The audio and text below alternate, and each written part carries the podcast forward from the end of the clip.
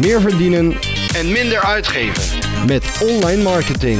Dit is de DGOC Online Marketing Podcast. De afgelopen tijd zijn er weer een heleboel leuke dingen gebeurd op het gebied van online marketing. En een van die leuke dingen is dat eh, Ivo eh, heeft zijn eerste blog geschreven voor eh, DGOC. Dus eh, eindelijk zijn we dan begonnen aan de uitbreiding van het blogteam. Niet alleen maar blogs meer van mijn hand, eh, maar ook van andere mensen uit het team. Eh, dat vind ik heel erg leuk. En eh, vandaag gaan we dan ook even het onderwerp van zijn blog bespreken. En legde ik mijn visie daarop toe. Uh, het blog ging over, over Facebook, specifiek over Facebook adverteren. Met als titel Worden wij door Facebook misleid? Dat is natuurlijk best wel een, een heftige titel. Eh, dat is eh, een titel waarvan je denkt, hé, hey, waar gaat het over? Klikken, ik wil meer weten. Dus dat, dat hebben we alvast goed eh, voor elkaar. Dat heeft Ivo goed gedaan. Maar de reden waarom het blog überhaupt tot stand is gekomen, is een constatering van hem dat hij op Facebook steeds vaker een melding te zien kreeg um, met zijn eigen Facebookpagina. Dus nog niet, nog niet eens voor een van onze klanten, maar zijn eigen Facebookpagina van het muziekfestival Roest. Waarbij de melding werd gegeven: joh, dit bericht presteert beter dan pak een beet 80 85% van uh, al je andere berichten. En dat is een hele opvallende melding. Want wat Facebook zegt is, joh, dit bericht doet het zo goed dat wij jou aanraden om dit bericht ook te adverteren, zodat je nog meer mensen weet te bereiken. Nou, dat, dat is natuurlijk een hele positieve boodschap. En die wordt ook heel positief verpakt. Uh, maar toch, uh, analytisch als wij in de online marketing zijn, moet je daar wel met een kritische noot naar kijken. Uh, want Ivo kwam tot de conclusie en tot de constatering dat die uh, betere prestatie, als je het cijfermatig bekijkt in elk geval, helemaal niet klopt. Dat roept dus bij ons de vraag op, probeert Facebook ons dan dus te misleiden om zodoende meer advertentieinkomsten te genereren? Ja of nee?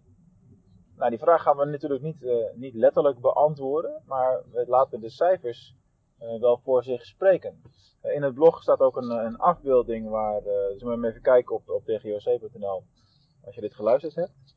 er staat ook een afbeelding van, van de statistieken van de 10, 15 meest recente berichten van de pagina. Met omcirkeld welk, bij welk bericht de melding kwam om te gaan adverteren. Omdat het bericht, in dit geval was het geloof ik zelfs 90% beter presteert dan vergelijkbare berichten van dezelfde pagina. Nou, in de praktijk zag je gewoon dat dat totaal niet klopt. Um, er waren een paar honderd views op het bericht, uh, relatief weinig like- of deelacties. Uh, ten opzichte van de andere berichten van dezelfde pagina. Dus dat, daar moet je natuurlijk wel naar kijken. Geen appels met peren gaan vergelijken, maar eerlijk kijken naar: oké, uh, hoe presteert dit bericht zonder dat ik erop mee geadverteerd heb ten opzichte van uh, de andere berichten die wij uh, verspreiden. Ja, en toen kwam de conclusie dat het dus niet, niet helemaal zuiver lijkt, lijkt te zijn. maar goed, dat is, dat is dan de waarneming die je doet. echter, daarmee willen we natuurlijk niet zeggen dat adverteren op Facebook niet waardevol zou, zou zijn, of niet waardevol zou kunnen zijn. Um, in de meeste gevallen, op het moment dat je zo'n bericht gaat promoten, mits naar de juiste doelgroep natuurlijk, dat geldt altijd. Dus niet alleen blind adverteren naar mensen die je pagina leuk vinden en hun vrienden bijvoorbeeld, dat is natuurlijk wat heel veel gebeurt. Als je het goed aanpakt, kan Facebook adverteren voor enorm veel extra bereik, uh, zorgen voor een, goede branding, voor het bereiken van jouw doelen. He, dat is uiteindelijk waar het om gaat. Alles wat je op, op Facebook doet en ook op alle andere kanalen, moet in dienst staan om jouw doelen, de organisatiedoelen die je hebt, te bereiken. Dus dat moet je altijd in je achterhoofd houden. Feit blijft dat het, het gedrag wat door het algoritme van Facebook wordt gegenereerd, want dat is een geautomatiseerd gedrag op basis van, van paginaberichten. Het is niet dat er iemand bij Facebook ergens op een knop zit te drukken van hey, we willen dat daar meer uitgegeven wordt. laten we die berichten en die berichten en die berichten maar eens naar voren laten komen als berichten waarbij wij promotie aanraden. Nou, dat algoritme is nog vrij jong. Die suggesties die, die zijn er nog niet zo heel erg lang. Dus we verwachten ook wel dat dat zich op een positieve manier zal gaan ontwikkelen. Uh, maar de boodschap die ik vandaag vooral mee wil geven is: wees kritisch en neem niet zomaar alle suggesties over. Want wat Facebook hier eigenlijk doet, valt heel erg onder de categorie: uh, wij van WC Eend adviseren WC Eend. Uh, en, en, dat zie je bij meer organisaties. Ook bij Google vindt dat plaats.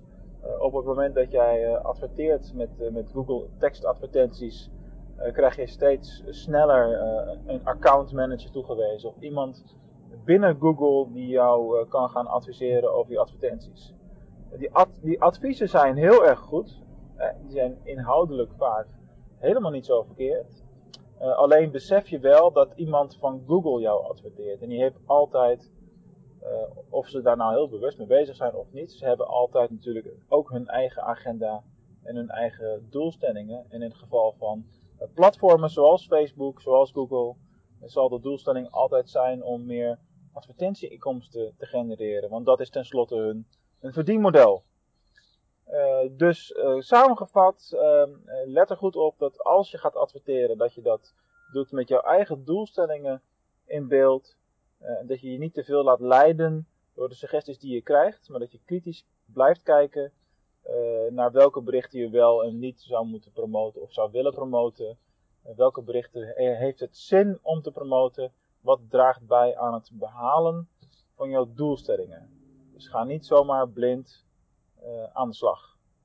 Oké jongens, dat was hem voor vandaag. Lees ook het blog.